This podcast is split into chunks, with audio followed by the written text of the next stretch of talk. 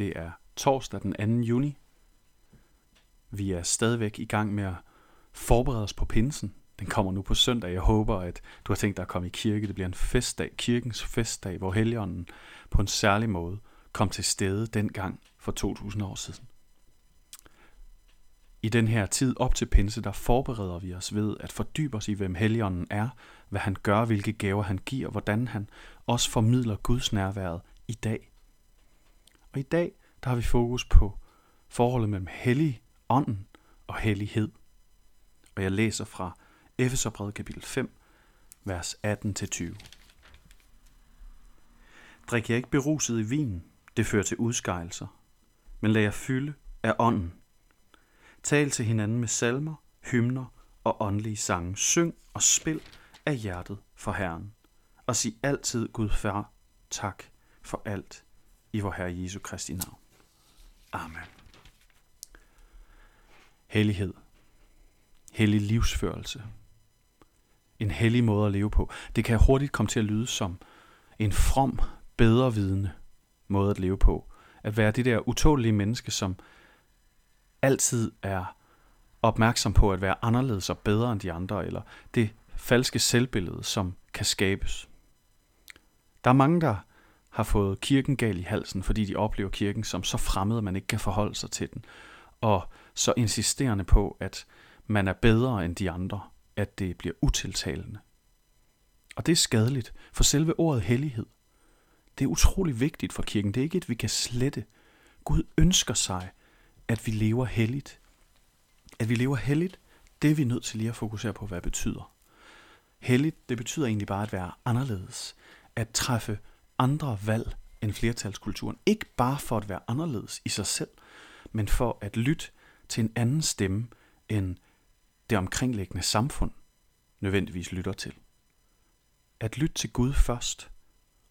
Og selvfølgelig hvis samfundet, ligesom vores samfund på mange områder, faktisk lever i tråd med Guds visdom, så er der jo intet galt i bare at lytte til dem. Men der hvor samfundet går en anden vej end Gud, så vælger at lytte til ham. Det er, hvad hellig livsførelse er. Det er efterfølgelse. Det er at sige, jamen jeg vil først lytte til Gud, og så vil jeg lytte til alt muligt andet. Det er hellighed. Og hellighed betyder også, at man forlader det gamle jeg for at udleve det nye jeg, du har fået ved troen på Gud, ved livet med Jesus, med helligånden i hjertet. Hellighed, det betyder, at vi ønsker og tilstræber og længes efter og åbner os op for, at Gud, han vil gøre os til sine børn. Han vil forandre os, så vi bliver mere sådan, som vi var skabt til at være. I dag der tager vi udgangspunkt i det her konkrete skriftsted fra Efeserbrevet. Paulus skriver til Efeserne her, og han advarer en kristen gruppe i en by, som var centreret omkring Artemis-templet og de vilde øh, drukfester, der var omkring det tempel. Den promiskuøse kultur fra hellenistisk baggrund, som var i den her by. Og han siger til dem, at de ikke bør drikke sig fulde eller berusede i vin, fordi det fører til udskejelser, men at de i stedet skal lade sig fylde af ånden. Her ser vi et eksempel på, at vi skal aflægge en gammel måde at gå til gudstjeneste, som man jo gjorde der i Artemis-templet, for at tage en ny, hvor man lader sig fylde af noget andet end alkohol, for at kunne have en åndelig oplevelse, nemlig helligånden.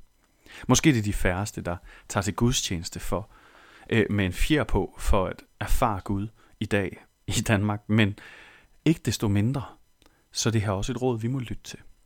Måske det er også et råd, der er lidt mindre svært at lytte til, end det var, da jeg var ung. Fordi der er så mange sundhedspersoner, der i dag er ude og advare om, at danskernes, vores alkoholforbrug har nået højt, og hvor det simpelthen er skadeligt for os. Det kan ødelægge os for fremtiden. Det kan give misbrug. Det er jo ikke noget, der er helt anderledes. Vi har drukket meget i vores land og vores kultur i meget, meget lang tid, og det er svært at aflægge os. Men her der får vi Paulus' åndelige årsag til det. Den er ikke først og fremmest øh, baseret på, hvad der er sundt for os, sådan i fysiologisk henseende, men hvad der er sundt for os i forhold til livet med Gud. Han siger, lad være med at drikke jer fuld i vin, det fører til udskejelser. Du mister kontrollen over dig selv, hvilket gør det svært at leve sådan som Gud vil. Det gør det simpelthen svært at kontrollere din egen krop, dine egne tanker, din egen måde at agere på. Du gør ting, du normalt ikke ville gøre. Vi er alle sammen enige om, at fulde unge mænd, der forgriber sig på kvinder, at der er ikke nogen undskyldning, også selvom de var fulde, men fuldheden har dog gjort, at de gør noget, de måske normalt ikke ville gøre. Det undskylder som sagt slet ikke deres handlinger, men det muliggør, at de gør noget andet end det, de plejer at ville gøre. Vi ved, at fuldskab det afføder en masse utilsigtede konsekvenser. Men Paulus siger lige her, at det også gør noget i forhold til Gud. Gud ønsker, at vi skal leve anderledes. Vi skal aflægge det her, og i stedet for søge ham og lade os fylde af ham. Synge, spille, danse og have det sjovt, uden at have behov for at drikke os mod på, drikke os anderledes, drikke os glade. Måske det her udfordrende for dig. Måske finder du det her budskab svært, at Gud han går op i, hvordan vi lever vores liv. Men i virkeligheden, så siger jeg det her til dig, fordi jeg tror, det er godt for os at vide. Gud han er ikke, han er ikke ligeglad med, hvordan vi lever vores liv. Han bekymrer sig for os. Han ved, det er bedre for os at leve på bestemte måder end på andre.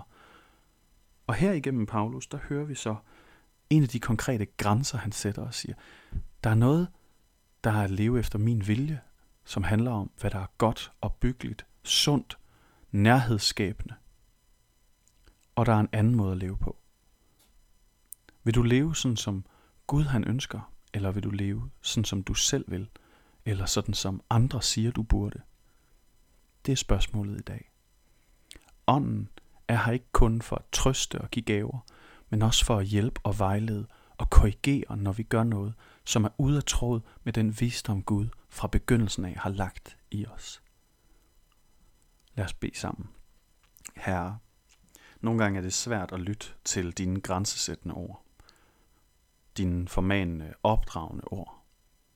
Vi kan få andre billeder af dig end af en kærlig far.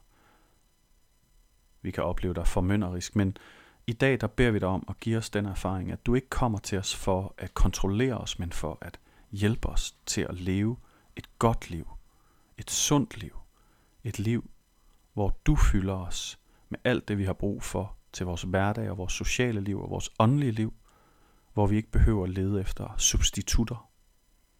Amen. Kan I have en rigtig dejlig dag.